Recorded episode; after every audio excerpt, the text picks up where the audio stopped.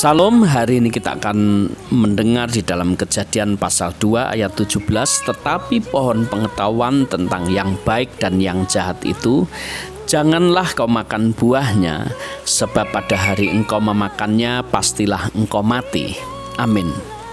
Saudara, andaikan Tuhan tidak menempatkan pohon pengetahuan di tengah-tengah Adam dan Hawa saat itu, maka mereka tidak akan pernah mengerti tentang batas antara yang boleh dan tidak boleh, antara yang terlarang dan tidak terlarang. Dan andaikan itu terjadi di zaman ini, maka dunia pasti akan kacau, di mana manusia tidak mengerti tentang hukum, tidak mengerti tentang batas antara boleh dan tidak, dan pada akhirnya manusia akan membuat hukum menurut ukuran masing-masing Padahal kita tahu tanpa hukum manusia akan mirip dengan hewan. Hewan tidak mengenal boleh atau tidak boleh.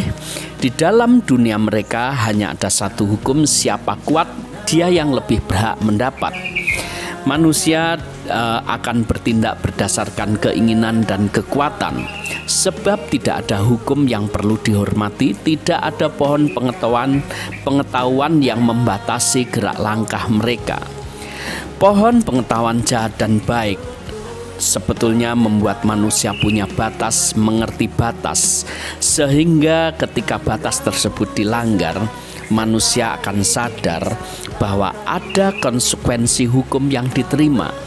Saudara, Sodom dan Gomora rusak moralnya karena pohon pengetahuan tidak dihargai di sana.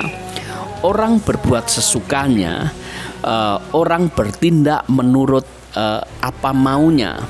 Bahkan Lot pun tidak dihargai menantunya sampai detik-detik terakhir, padahal mereka sedang diperingatkan oleh Tuhan, sehingga mereka binasa di dalam kebodohan.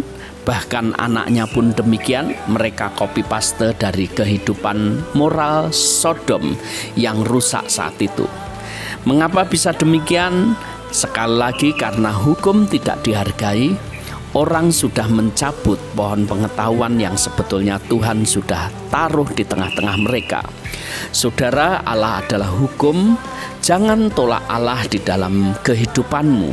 1 Samuel pasal 8 ayat 7b Sebab bukan engkau yang mereka tolak Tetapi akulah yang mereka tolak Supaya jangan aku menjadi raja atas mereka firman Tuhan juga hukum di dalam kehidupan kita baik sekali kalau kita gunakan sebagai pedoman di dalam setiap keputusan di dalam setiap pemikiran kita 2 Timotius pasal 3 ayat 16 segala tulisan yang diilhamkan Allah memang bermanfaat untuk mengajar untuk menyatakan kesalahan, untuk memperbaiki kelakuan dan untuk mendidik orang dalam kebenaran.